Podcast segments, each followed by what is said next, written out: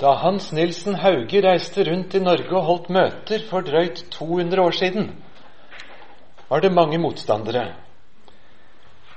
Ofte var prestene skeptiske, og mange ganger så stilte presten på møte sammen med lensmannen for å ta Hauge. Et sted så skjedde akkurat det. Hauge hadde talt lenge og sterkt ifra ifra Bibelen. Og så steg den eh, gamle, lærde prosten frem. Han var veldig misfornøyd og tok ordet i slutten av møtet og gikk i rette med det meste som var sagt. Bare den omstendighet at denne unge, ulærde bondedreng gir seg til å tale over Johannes' åpenbaring, sier vel det meste, sa han. Selv min far, som var en meget lærd prest, sa prosten. Han våget aldri å tale over Johannes' åpenbaring, for det er en lukket bok. Men da avbrøt Hans Nilsen Hauge den gamle prosten og sa nei, det er ikke en lukket bok, det er en åpenbaret bok, og derfor heter den Johannes' åpenbaring. Og det var godt sagt. Jeg vil tro at det er mange kristne som har et forhold til Johannes' åpenbaring hvor det blir en lukket bok. Kanskje fordi det er så merkelige bilder og uttrykk. Men Gud ville ikke at det skulle være en lukket bok for oss. Han ville så gjerne få åpne hele Skriften for oss. Det betyr ikke at vi skal bli verdensmester i teologi som kan forstå hvert eneste ord og slippe å være i tvil om noen ting. Eller at vi skulle blåse opp brystkassa og gjøre som om vi var veldig selvsikre, og slå fast alt sammen. Kanskje har vi møtt noen som gjør det slik, og det er ikke det som er tanken. Men når Gud i himmelen bestemmer seg for å gi til oss stakkars mennesker en bok som inneholder også disse 22 kapitlene, så skal vi stole på at det er en god hensikt fra hans side. Og hvis det var aldeles ubegripelig, så hadde han vel ikke meddelt det til oss. Vi skal gjøre et forsøk på å nøste litt i noen av trådene og se om vi kan finne noen sånne lange tråder. Johannes' åpenbaring er altså 22 korte kapitler. Det tar 90 minutter å lese det tvers gjennom rolig på norsk. Og Noen som er glad i fotball, de bruker 90 minutter til å se på noen andre ting. Kanskje er det mer å hente av å bruke 90 minutter på å lese Johannes' åpenbaring også på den måten. Jeg vet at det er litt uvanlig. Vi leser noen få vers og prøver å forstå dem. Og det kan være en god måte å lese Bibelen på. Men jeg har personlig erfart både med Johannes' åpenbaring og med mange andre skrifter at det er også så nyttig å lese dem i sammenheng. Kanskje lese høyt for hverandre, mann og kone, eller fire venner. Bytte litt på å lese. Og høre det om igjen. For det er ingen av oss som ikke detter ut noen ganger hvis vi skal følge med i 90 minutter. Men da kanskje kommer vi på sporet av den røde tråden. For når vi bare leser små biter, så blir det så mange små episoder. Og når vi leser det sammen, så ser vi kanskje hvordan det også henger sammen. Og det hadde jeg lyst til å prøve å løfte frem i noen grad nå. Jeg har hatt fri fra andre plikter for å lese Johannes' åpenbaring mye. I forhold til hvor mye fri jeg har hatt for å gjøre det, så skammer jeg meg over hvor lite jeg forstår. Men jeg har faktisk hatt fri faktisk i flere år for å skrive en doktorgrad på Johannes' åpenbaring, og det har jeg gjort. Og det betyr ikke at nå er jeg sikker på hvordan det hele skal forstås. Det er til dels store spørsmål jeg kjemper med. Kanskje må vi det, alle sammen, helt til vi kommer hjem. Eller helt til, om så skulle skje, at vi står med begge beina midt i trengslene. For husk hva Jesus sa. Nå har jeg sagt dere det på forhånd, for at dere skal tro det når det skjer. Inni meg så er det en stemme som sier 'Jeg vil vite alt på forhånd'. Men løftet er altså at jeg har sagt det på forhånd for at du skal vite det når det skjer. Og når kristne står midt i forfølgelse og trengsel og endetiden og tenker nå har Herren mistet kontrollen, nå gjør Satan som han vil, skal tro om ikke nettopp da noen av de gåtefulle bibelversene plutselig åpner seg, og så kan de få se og legge sin hjerte i at Gud visste det på forhånd. Han sa det på forhånd, jeg bare forsto det ikke da. Men når vi trenger det, så kan ordet komme oss til hjelp. Det er umulig at vi kan få tatt opp alle sider av Johannes' åpenbaring nå. Om alle englene, om altrene, om bønnene som samles i skåler av gull, som løftes inn for Gud, om de sju sendebrevene, om den store bildet og visjonen av Gud på sin trone, og lammet som river av de syv seilene, om de syv redeskåler som tømmes, de sju basuner som blåser, om Antikrist og dyret sammen med det andre dyret, om Babylon og dommen over denne verden, om Jesu gjenkomst som rytteren på den hvite hest, om de tusen år, hva nå det betyr, om den siste store dom, om tempel, paradis, by, folket, i det fullendte Guds rike, livets elv og livets tre og gater av gull. Det er så mye at vi kan umulig få tak i det. Når jeg har fått lov til å reise litt og ha møter som dette, så har jeg forsøkt å ta opp litt forskjellige sider. Og det har til sammen blitt en liten bok som heter Den røde tråd gjennom Johannes' åpenbaring. Der har jeg fått tid til å ta opp litt flere av de sidene enn vi rekker nå. Så kanskje kan det være hjelp hvis noen har bruk for den i etterkant. Jeg har lyst til her og nå å få ta det helt bokstavelig med den røde tråden, den blodrøde tråden. Og Da skal vi følge noen av tekstene som for det første snakker om Jesu blod, og for det andre om martyrenes blod og for det tredje om Jesu fiender. For også de skal måtte bøte med liv så blodet flyter. Og det sies veldig direkte i denne boka. Men vi må begynne der hvor hele basisen ligger, og der hvor Johannes' åpenbaring også selv begynner, nemlig med Jesu blod. Og Har dere en bibel med, så må vi gjerne slå opp i kapittel 1. Og så skal vi lese ifra vers 5 og 6. Og vi kan godt hoppe midt inn i det femte verset i kapittel 1. Johannes' åpenbaring, kapittel 1, vers 5 og 6. Andre halvdel av vers 5.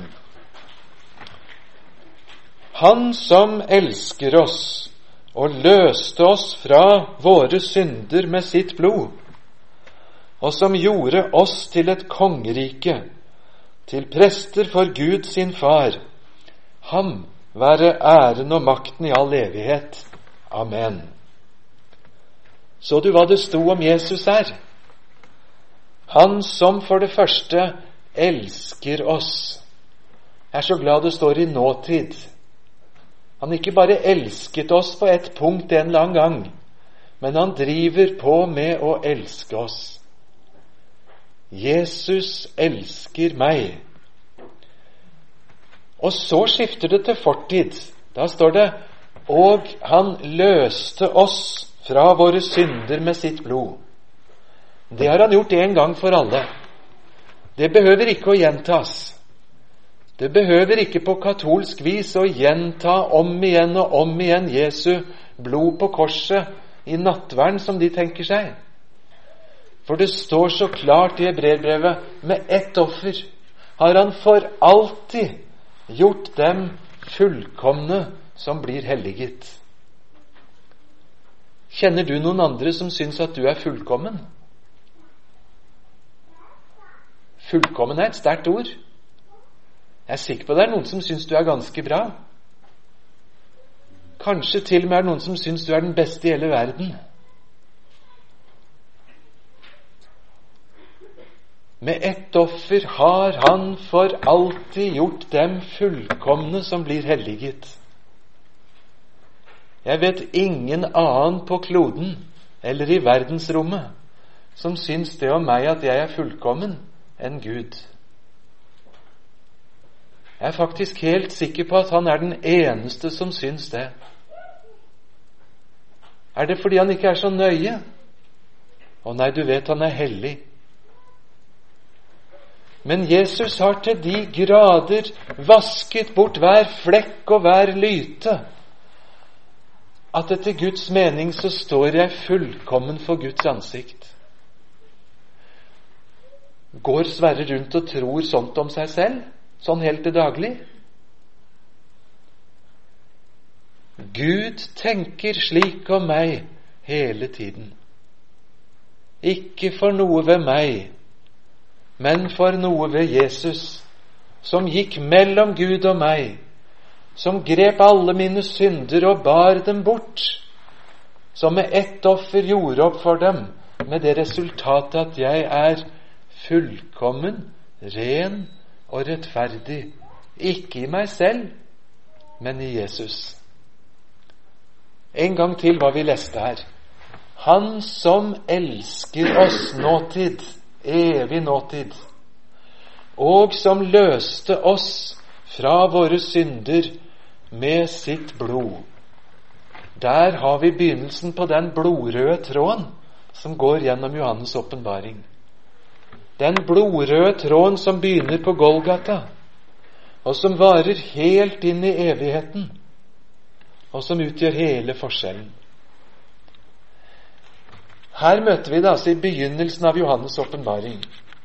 Hvis vi blar oss ut i kapittel 5 i Johannes' åpenbaring, da får vi høre noe veldig spesielt. Vi får høre lovsangen i himmelen. Og det er jo ganske interessant. Hva lovsynger de om der?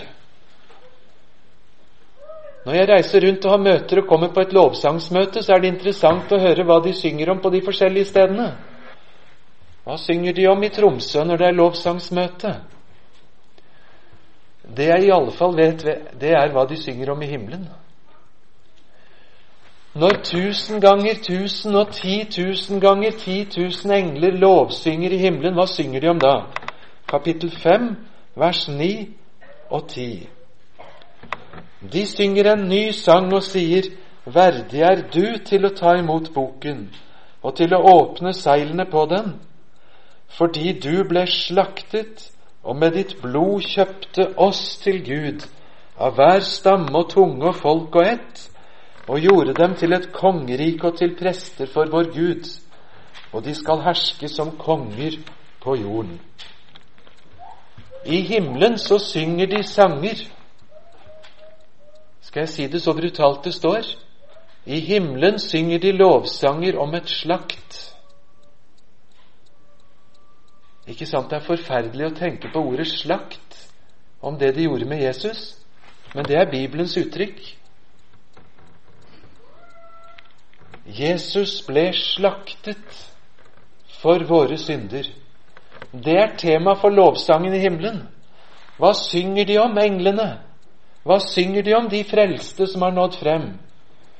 De synger om Han som ble slaktet og med sitt blod har gjort oss til konger og prester. Oss.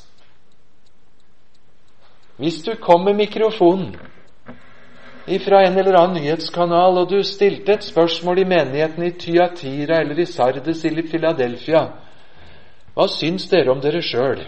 Hvem er dere? Forfulgte, noen ganske små, tråkket på, stemplet og utkast i samfunnet. Ja, hvis du egentlig spør hvem vi er, så er vi konger, og vi er prester. Det er det det står. Vi leste det i kapittel 1, og vi leser det om igjen her. Har du tenkt på deg selv som en konge og en prest? Det får da være måte på stormannstanker om seg selv. Ja, jeg bare siterer Skriften. Det Jesus gjorde på korset, det var å plukke opp deg eller meg, vaske oss fri av våre synder og føde oss på nytt. Gjøre oss til konger og til prester for vår Gud. En gang for alle gjort fullkomne.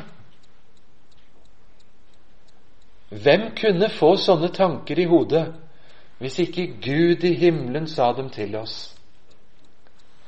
En blodrød tråd gjennom Johannes' åpenbaring, den handler om blodet på korset på Golgata. Luther klager over at når folk har hørt evangeliet tre ganger, da tror de de kan det, og så vil de høre noe annet. Kjenner du det igjen? Ja, hva talte han om på møtet, da? Ja, han talte om, om Jesus og om nåden og korset og blodet. Og så hører du nesten et gjesp. Jeg har hørt det før. Han hadde ikke noe nytt å komme med, da.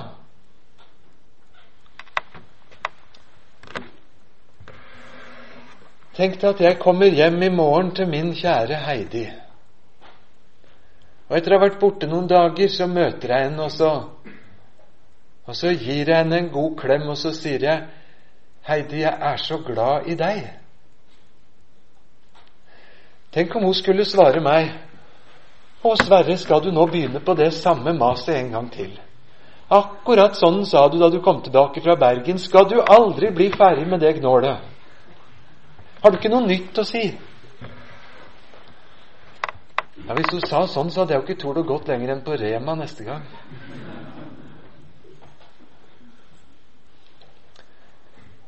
Når den hellige Gud, jordens skaper, evighetens dommer, bøyer seg ned og plukker opp det sandkornet som er deg eller meg, og løfter oss opp i lyset av sol og himmel og stjerner, og sier 'Jeg elsker deg', jeg har løst deg fra dine synder.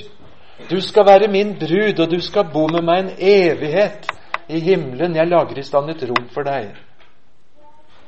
Hvem er da du som vrir deg ut av hånden hans og sier Æsj, det der har jeg hørt før. Nå vil jeg snart høre noe nytt. Den blodrøde tråden gjennom Johannes' åpenbaring, det er budskap om Han som døde for våre synder, som løste oss, som ble slaktet, og som gjorde oss til konger, til prester, som skal befolke himmelen for en hel evighet. Det er perspektiver. I kapittel 7, med den store, hvite flokk i himmelen Hvem er de, og hvor kommer de fra? Hvorfor er de kledd i de rare klærne? Ja, du vet det. I kapittel 7, vers 14. Dette er de som er kommet ut av den store trengselen. De har vasket sine kapper og gjort dem hvite i lammets blod, og derfor er de for Guds trone. Hvorfor er det noen som til slutt står foran Guds trone? Hva slags kongelige fortjenestemedaljer av gull har de gjort seg fortjent til for å stå der i første rad i himmelen med palmegrener i hendene og lovsynge Gud? Jo, nå skal du høre. De har vært hos Jesus med sine synder, bekjent dem for Gud. Og så har de fått bytte sine synder med Jesu nåde. Og så har Jesu nåde forvandlet dem, så de kommer ut igjen med kapper så hvite at de er himmelreine. Og derfor står de for Guds trone. Og så vet de det.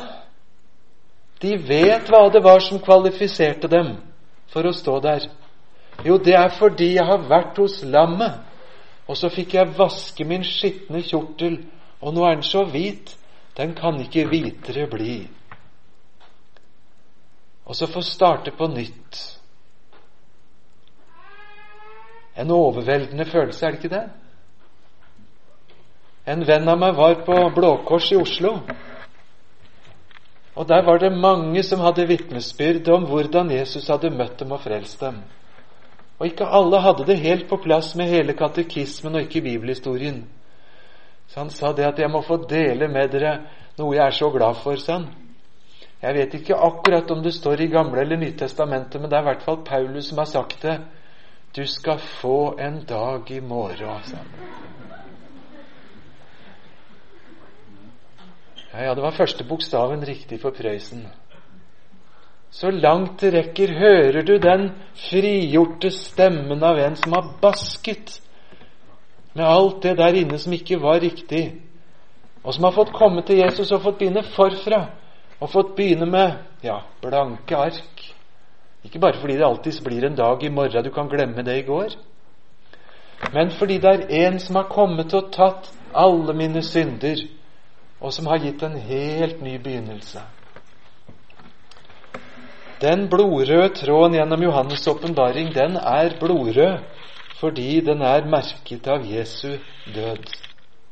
Uten Jesu død på korset så kunne ikke Johannes' åpenbaring stått der.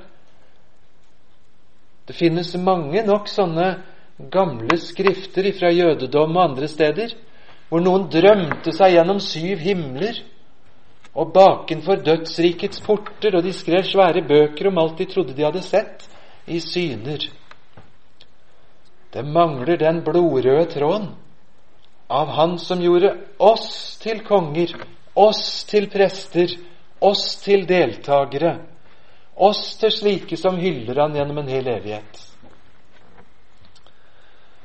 Nå skal vi gå videre til eh, noe som virker mye mer fremmed. Og det er tanken på martyrene.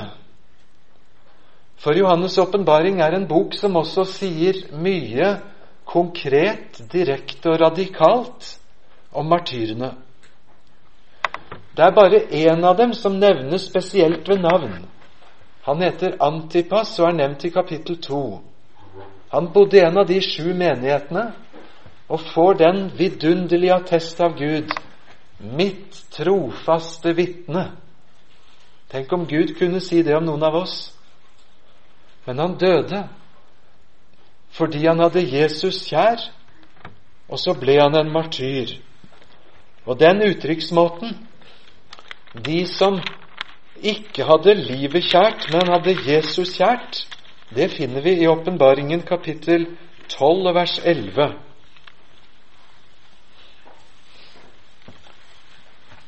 Der står det om martyrene, kapittel 12 vers 11. De har seiret over ham, over Satan, i kraft av lammets blod og det ordet de har vitnet. Og de hadde ikke sitt liv kjært like til døden. De var blitt glad i Jesus på en sånn måte at de ikke hadde livet kjært, så de tviholdt på det. For hvis du må holde på det ene og slippe det andre, holder du da på Jesus og slipper deg selv, ditt liv? Eller holder du på ditt liv og slipper Jesus? Den som finner sitt liv, skal miste det. Men den som mister sitt liv for min skyld, skal finne det. Det er på en måte sant om alle troende. Nå leser vi om dem som konkret og bokstavelig mistet livet fordi de fulgte Jesus. Det avsnittet som mest direkte omtaler martyrene, det finner vi i kapittel 6, i vers 9, 10 og 11. Og det er når Jesus river av det femte av disse syv seilene på bokrullen. Når han river av det femte seilet, da står det slik da lammet åpnet det femte seilet, så jeg under alteret deres sjeler som var slått i hjel for Guds ords skyld og på grunn av det vitnesbyrdet som de hadde. De ropte med høy røst og sa, Herre, du hellige og sannferdige, hvor lenge skal det vare før du holder dom og hevner vårt blod på dem som bor på jorden? Og det ble gitt hver av dem en lang, hvit kappe og det ble sagt til dem at de skulle slå seg til tåls ennå en liten stund, inntil tallet på deres medtjenere og brødre var fullt, de som skulle bli slått i hjel like som de selv.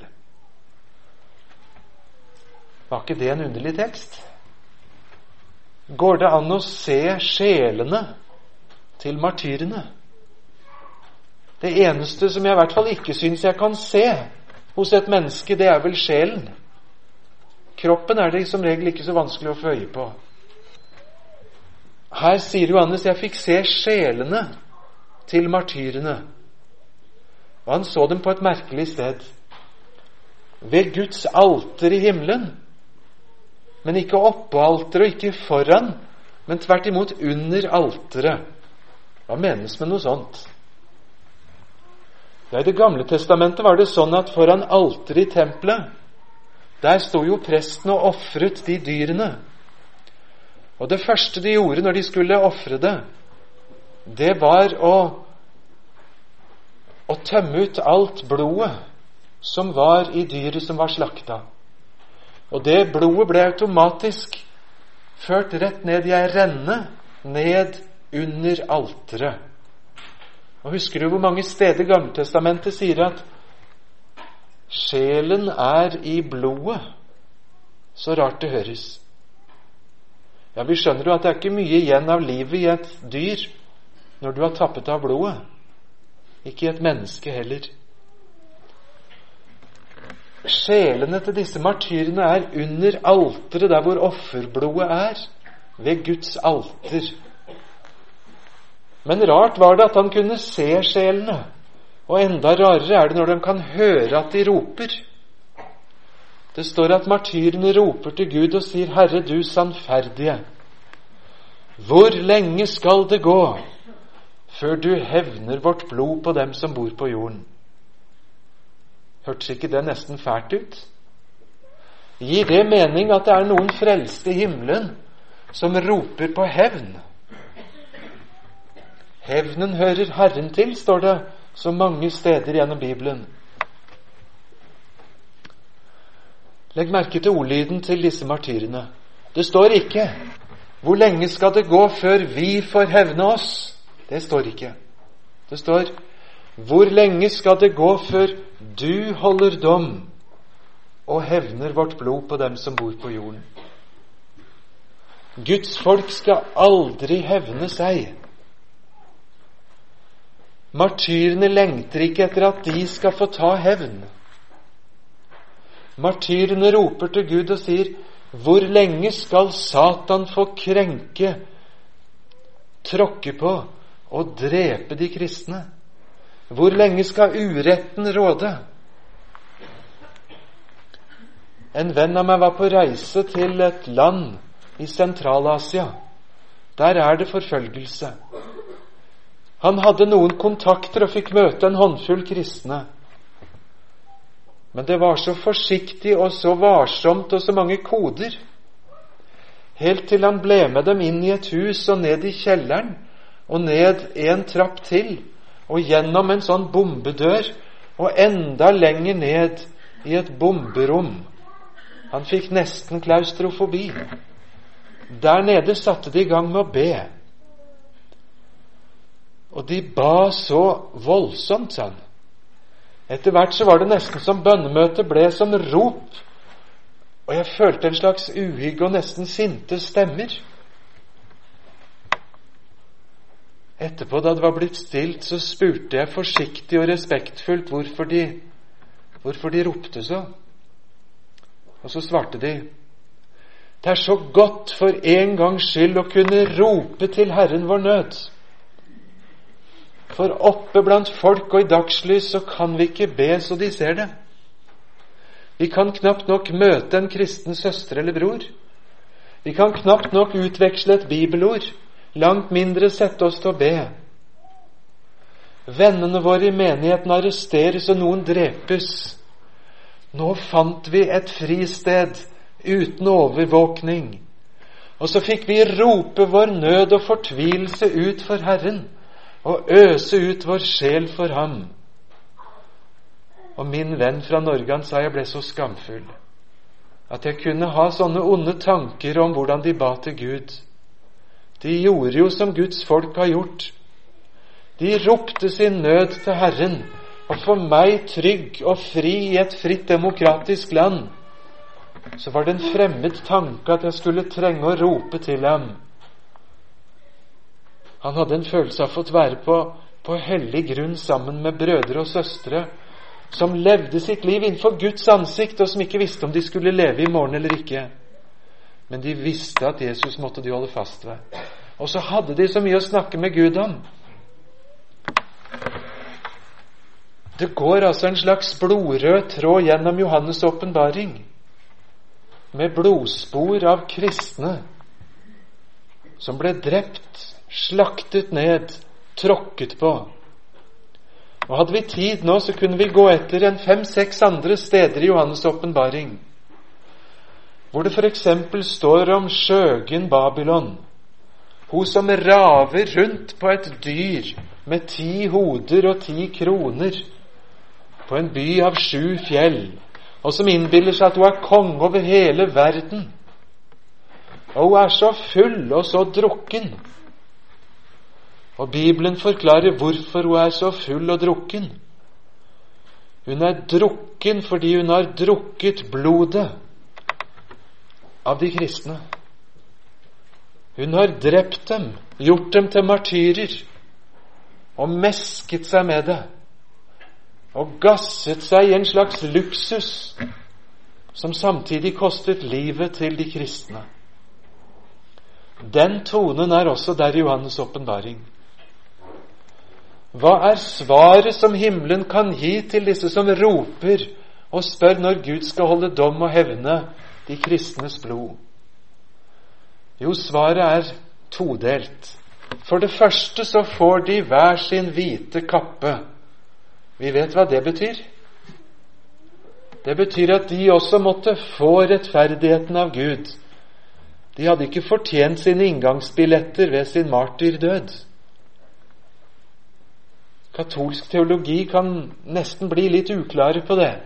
Kan nesten høres ut som martyrene har kvalifisert seg selv, og at de til og med har pluss å dele ut til andre, så de blir helgener som kan dele av sine gode gjerninger overskytende rettferdighet. Nei, de fikk den hvite kappa på samme måte som alle andre. Frelst på samme vilkår om du dør mett av dage, på jord, eller om du går døden voldsomt til møte som martyr. Men den andre delen av svaret er så underlig. Jo, for der står det det ble sagt at de skulle slå seg til tåls ennå en liten stund, inntil tallet på deres medtjenere og deres brødre er fullt. Altså de som fremdeles skal bli martyrer. Og nå leser vi dette 1950 år etterpå, og så undrer vi oss. Skulle de på aposteltiden slå seg til tåls en liten stund fordi tallet ikke var helt fullt? Da jeg var barn, lærte jeg å synge om at Jesus har en bok i himmelen. Snart er den full av navn på frelste. Her hører vi om en annen bokføring, hvor Gud ser ut til å ha en egen bok over martyrer. Og sånn som svaret er gitt, så forstår vi at Gud i sin majestet, han har bestemt på forhånd hvem og hvor mange som skal komme til å bli martyrer. Og så er ikke tallet ganske fullt enda. Og når du og jeg spør hvorfor er ikke Jesus kommet tilbake enda, så svarer 2. Peter 3 det er fordi Gud er tålmodig. Han vil at noen av dem som enda har sagt nei til nåden, må rekke å bli frelst. Og her får vi høre han drøyer fordi det også er et tall på martyrer som han i sin visdom og allvitenhet har forutsbestemt. Når han leser sånt, så blir vi små, og vi spør oss kommer de dagene. Martyrene i åpenbaringen, dem møter du også helt inn i de tusen år. Og da er vi altså i kapittel 20. Og nå har ikke jeg tenkt å si og mene mange ting om hvordan det har seg med de tusen år i Johannes' åpenbaring. For jeg må svare ærlig at det vet jeg så lite om. Det er bare ett sted i Bibelen det står om de tusen år i slik sammenheng. Og det er her i Åpenbaringen 20, fra vers 2 til 7. Der står det til gjengjeld én gang i hvert av de seks neste versene. Så seks vers etterpå etter hverandre bruker uttrykket 'de tusen år'. Ingen av stedene står det 'tusenårsrike'. Det uttrykket 'tusenårsrike' det er det noen som har funnet på, og som syns er veldig lurt. Men det er altså ikke et bibelsk uttrykk. Det står heller ikke på annen måte uttrykket 'rike' eller 'basileia' akkurat i den teksten. Men det står om en tidsperiode på 1000 år, når Satan holdes i arrest etter at Antikrist og den falske profet er kastet i ildsjøen. I de tusen årene når Satan er i arrest, da er det noen som skal få regjere og dømme sammen med Kristus og sitte på troner. Når de tusen år er til ende, så skal Gog-krigen komme, og den store dom skal holdes. Men altså et eller annet sted etter Jesu gjenkomst, kan det bety det? Og før den siste dom, så er det en sånn tusenårs et eller annet. Vi tør ikke si rike, siden teksten ikke sier det. Og da er det noen som skal bli levende og sitte sammen med Kristus og regjere. Og hvem er de som skal det, ifølge Åpenbaringen 20? Jo, der står det om deres sjeler som var blitt halshogd for Jesu vitnesbyrds skyld og for Guds ords skyld, pluss om dem som ikke hadde tilbedt dyr eller dets bilde, og som ikke hadde tatt merke på sin panne eller hånd. Disse ble levende og hersket sammen med Kristus i tusen år. Husker du vi leste om det for et øyeblikk siden i kapittel 6? Sjelene til de halshogde martyrene, de som var under alteret, de som skulle slå seg til tåls en liten stund. Her i kapittel 20, etter at Jesus er kommet igjen, når Satan er arrestert, så han ikke kan forføre folkeslagene, da skal disse martyrene bli levende igjen. Og så skal de regjere sammen med Jesus. Men ikke bare de. Det var en gruppe til, og det var de som i den siste trengselstiden ikke hadde tatt dyrets merke 666, ikke hadde tilbedt dyret.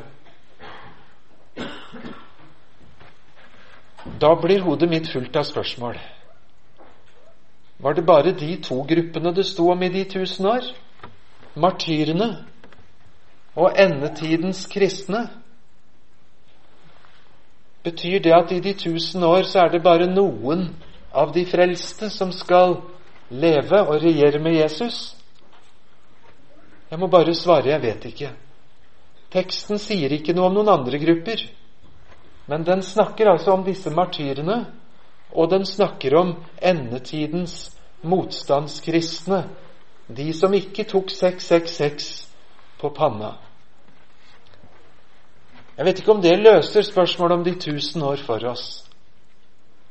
Men i den grad vi spør hvem er det som skal fylle de tusen år sammen med Jesus, så er det i hvert fall martyrene og endetidens kristne som er spesielt nevnt. Om det er dem som på vegne av alle de troende Jeg tør ikke, jeg har de samme spørsmål i hodet som du. Men hvem var du eller jeg at vi skulle svare på slikt? Det skjulte ligger i Herrens ånd. Det som er åpenbart, det er det vår sak å lese og bekjenne. Nå finnes det gjennom kirkehistorien mange slags kirkesamfunn som har gjort martyrene utrolig viktig. Jeg har antydet katolikkene. Jeg er ikke ute etter å, å være så inderlig antikatolsk. Det er ikke det som ligger meg på hjertet. Men der er jo noe av dette blitt satt i et veldig system. I en vanlig tysk bokhandel av katolsk type så kan du kjøpe leksikon over alle de forskjellige helgener, rubrisert etter ulike datoer eller steder eller århundrer, eller etter hvilke særlige oppgaver en tenker seg at de helgener eller martyrer tar seg av. Det er vanskelig å finne alt det der i Skriften. selve det å stanse opp og ha respekt for dem som har gått foran oss, og løfte høyt eksempelet til dem som ikke hadde dette livet kjært, men som vitnet om sin frelse like i døden, ja, det er stort og viktig. Og likevel så må de aldri få stå i veien for Jesus. Og Skriften sier at det bare finnes én mellommann mellom Gud og mennesker, og det er mennesket Jesus Kristus. 1. Timotius 2. Og da må vi med all respekt holde noe tilbake i forhold til dem som kan løfte martyrene så høyt at de i verste fall kommer inn som en slags mellommenn som vi skulle henvende oss til, om det gir mening. Den blodrøde tråden i Johannes' åpenbaring er først og fremst Jesu blod. Nå har vi også stanset litt for martyrenes blod. Og det er flere tekster enn de vi har tatt fram, som handler om det. Men så var det det tredje sporet vi også skal følge. Og det gjelder blodet til dem som står som Jesu motstandere. For i Johannes' åpenbaring så står det mye om motstanderne.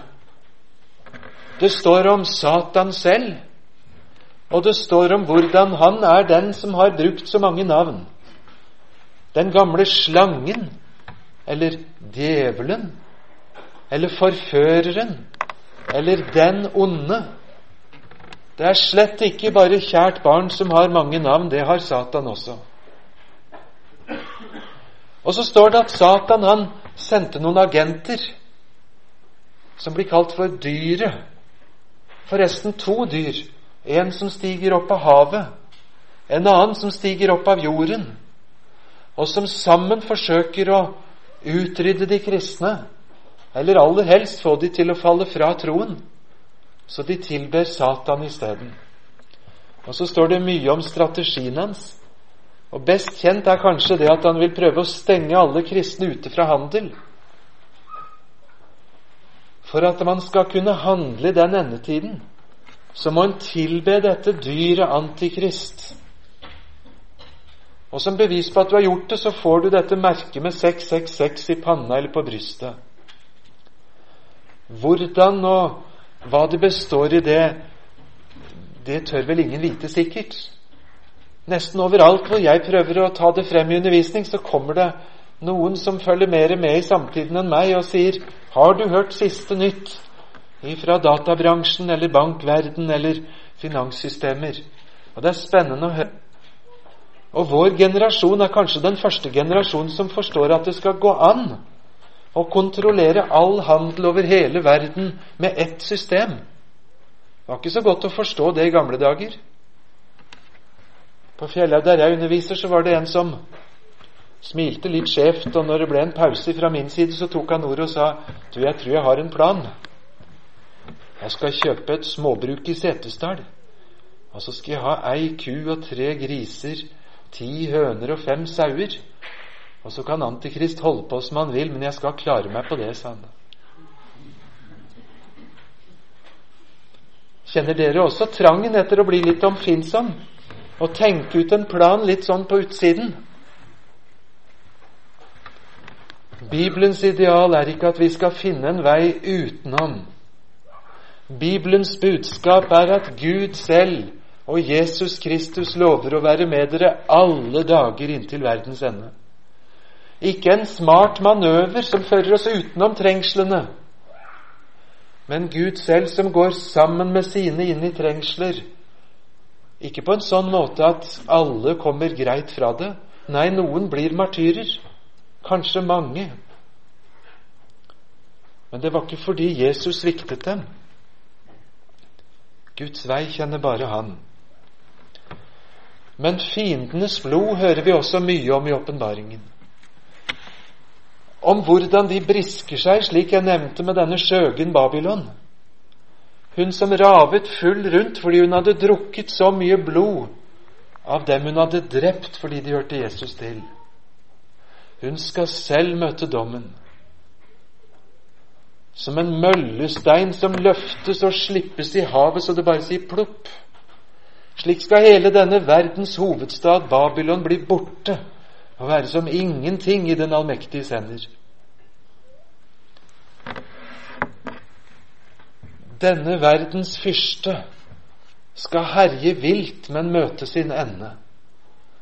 Et sted i kapittel seks så står det om at konger og stormenn og alle slags mennesker Til slutt så begynner de å rope på fjell og hauger, vær så snill og løft dere opp, fall ned over oss og knus oss, så vi slipper å stå innenfor Guds og for lammets vrede.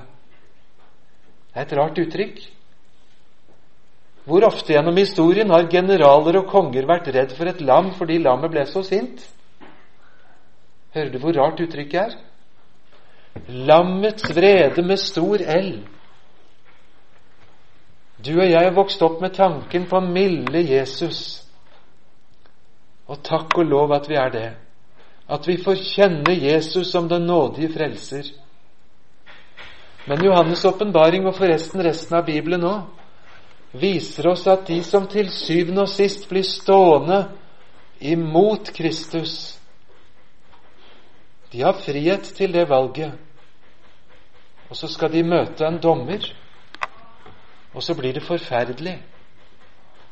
Forferdelig å stå Gud imot. Ikke sånn at Gud blir borte, og at de leter for å finne han. Nei, tvert imot. Kunne dere fjell være snill og falle ned over oss? så vi slipper å være så inderlig nær den hellige Gud. Så rett ut beskriver Johannes' åpenbaring det i kapittel 6, vers 15-17. Det er flere sånne tekster. Johannes' åpenbaring kapittel 14 er kanskje det aller sterkeste kapitlet i betydning aller mest blod. I åpenbaringen 14 i vers 20 Der står det om den siste dommen som om Jesus selv tråkker vindruer i det pressekaret, slik de gjorde da de la de modne druene i et stort kar og så tråkket med føttene, slik at saften av druene rant ut. Og så brukes det bildet om den siste dommen. Det er voldsomt. Om at Jesus selv tråkker dommen og så flyter saften ut ifra druene. Og så står det rett og slett det kom blod ut av vinpressen like opp til bisselet på hestene, så langt som 1600 stadier. Det var litt av et språk. At det blir bokstavelig talt et blodbad så høyt at det når opp til bisselet på en hest, som står fortøyd så langt unna som 1600 stadier vekk. En stadion hos oss er 400 meter. I det gamle Hellas var de på 180 eller 185 meter. Tar du kalkulatoren og ganger 180 ganger 1600 stadier, så blir det 296 km. Nesten 30 mil. Et blodbad sånn at 30 mil unna så er ikke vannstanden, men blodstanden opp til bislet på en hest.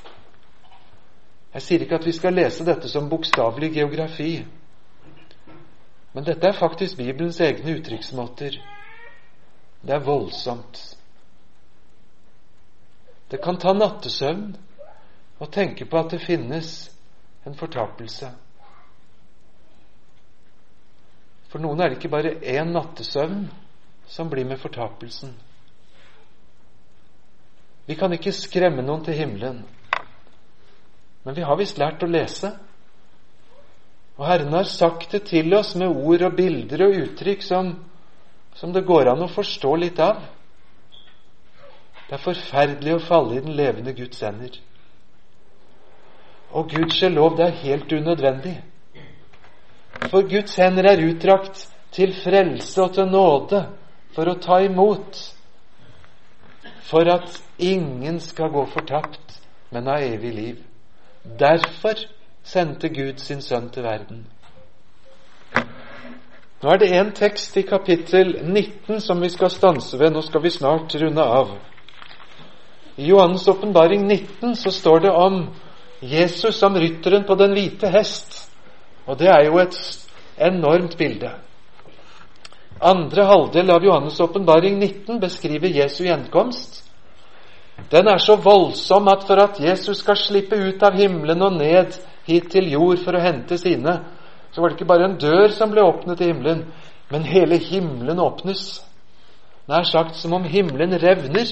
Så stor er Jesus, der han rir ut på den hvite hesten, med kongers konge og herres herre skrevet om magen. Kledningen var altså hvit. I munnen har han et sverd, et skarpt sverd, og det står vel om et slags septer. Det skal han bruke til å slå folkeslagene. Men så står det noe merkelig i kapittel 19, vers 13, om denne hvite drakten. Han er iført en kledning som er dyppet i blod, og hans navn er Guds ord. Har du lagt merke til at han på den hvite hesten Han drypper av blod idet han stiger ut av himmelen og ned til Harmageddon, til det siste slaget mot Antikrist. Hva slags blod kan det være?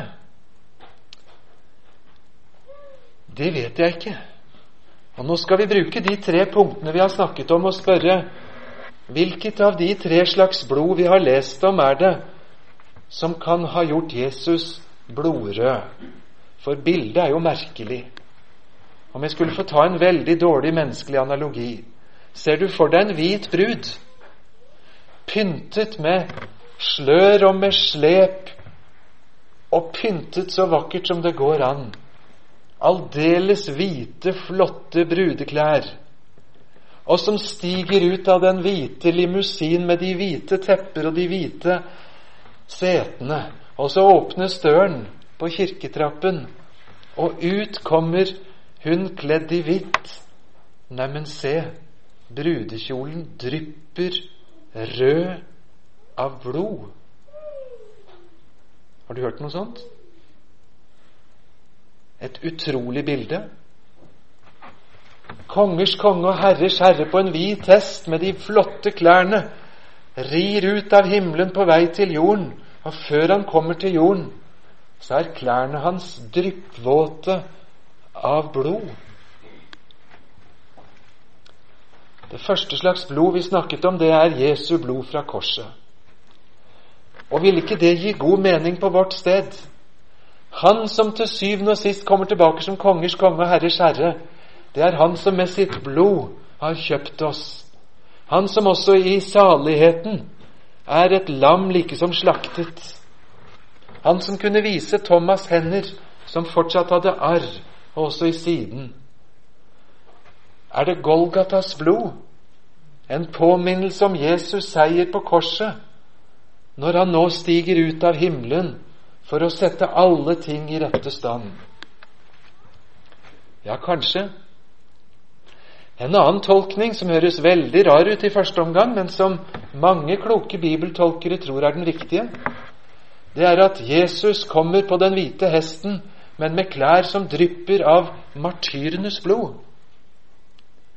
Ja, det var en rar tanke.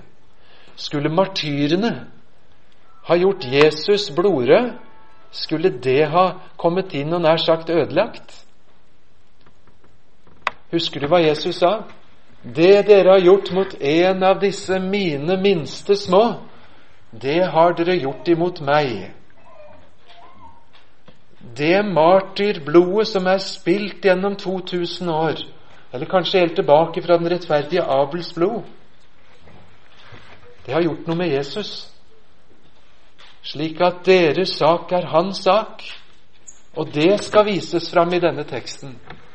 Sånn er det mange kloke bibeltolkere som forstår det. Jeg vet ikke. Tredje mulighet er at det er ikke verken sitt eget eller martyrenes blod, men det er faktisk blodet av Jesu motstandere. Ja, Men det gir da vel ingen mening, for krigen har jo ennå ikke begynt. Han kan vel ikke være blod rød før han har begynt krigen? Nei, man kan ikke det hvis det er et vanlig jordisk slag. Men i åpenbaringsbøker hvor tid og rom ikke er noen begrensning, og hvor utfallet er så sikkert at boken er skrevet før én ting har hendt, så går det kanskje an likevel. Og det er vel den vanlige tolkningen blant bibeltolkere, at dette blodet i vår tekst, som følger Jesus på den hvite hesten, det er for å vise at seieren er allerede utkjempet. Og Da er vi nær ved et siste godt hovedpoeng. Johannes' åpenbaring handler tilsynelatende om krig hele veien. Men saken er at kampen er over. Egentlig så kjenner ikke Johannes' åpenbaring mer enn én krig, og det var krigen på Golgata. Alt det som blir etterpå det, det er bare at fienden arresteres. Er verdens fyrste vred og vil å støte ned, han ingenting formår, fordi allerede dømt han går, et Guds ord kan han binde. Og Derfor er det ikke nye kriger og nye slag som utkjempes i Johannes' åpenbaring. Jo, fienden stiller seg opp klar og innbiller seg at nå skal det bli lett match. Men istedenfor krig så blir de bare arrestert.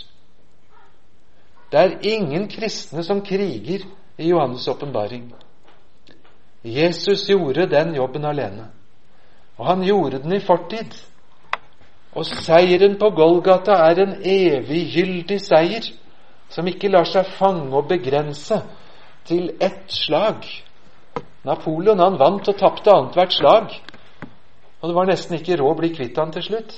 For samme hvor mye de trodde de hadde tatt han, så dukket han opp om igjen. Det er ikke sånn i Johannes' åpenbaring. Der er seieren vunnet. Og det Satan steller i stand, er ikke mer enn sånn en fisk kan ligge der om bord i båten og sprelle en liten stund etter at den for lengst har tapt. Seieren er vår. Han har vunnet, men seieren er vår. Det er ikke bare at den kanskje kan bli det, men den er det fordi han har gjort det. Helt til slutt så må jeg få fortelle en episode som har skrevet seg inn i livet mitt. Det var også hjemme da barna var små. Ved en andakt vi leste om palmesøndag og esel og Jesus på vei inn. Nei, nei, nei, pappa. Ikke esel. Deres egne barbier hadde jo hester å ri på. Esel passer ikke for Jesus. Og Så prøvde jeg nå å si noe om at jo, nå kommer Jesus som en tjener. Og så rir han på et esel. Ja, ja. Jeg vet ikke om de skjønte det. Men så sa jeg at det skal bli en annen dag når han kommer på den hvite hesten. Og da står det kongers konge. Da står det herres herre. Og da er han seierherre. I munnen et stort sverd. Oi, ja. Og du så liksom begynte å funkle i gutteøynene. Og så var det en av dem som sa til meg, en av guttene som sa, du pappa, når han kommer på den hesten, tror du jeg kan få sitte på med han da? Syns du jeg skulle svare da? Når himmelens konge, universets herre og kongers konge kommer til jord på den hvite hest for å hamle opp med den siste motstand, skulle en gutt få lov til å hoppe opp og sitte på med han på hesten? Da så jeg på gutten min, og så sa jeg ja. For Han som kommer, og som er seierherren, han er din og min frelser. Han kommer ikke for å redde planeter og melkeveier og galakser og hva det er for noe, alt sammen. Han kommer for å hente gutten sin og jenta si, Bartimeus og Sakkeus, røveren på korset og Nikodemus og Paulus, og løfte den lille gutten og hvem de var, opp på fanget, og så ri hjem. Det er min Jesus som kommer. Og for et herlig perspektiv. Noen av de blodrøde trådene gjennom Johannes' åpenbaring.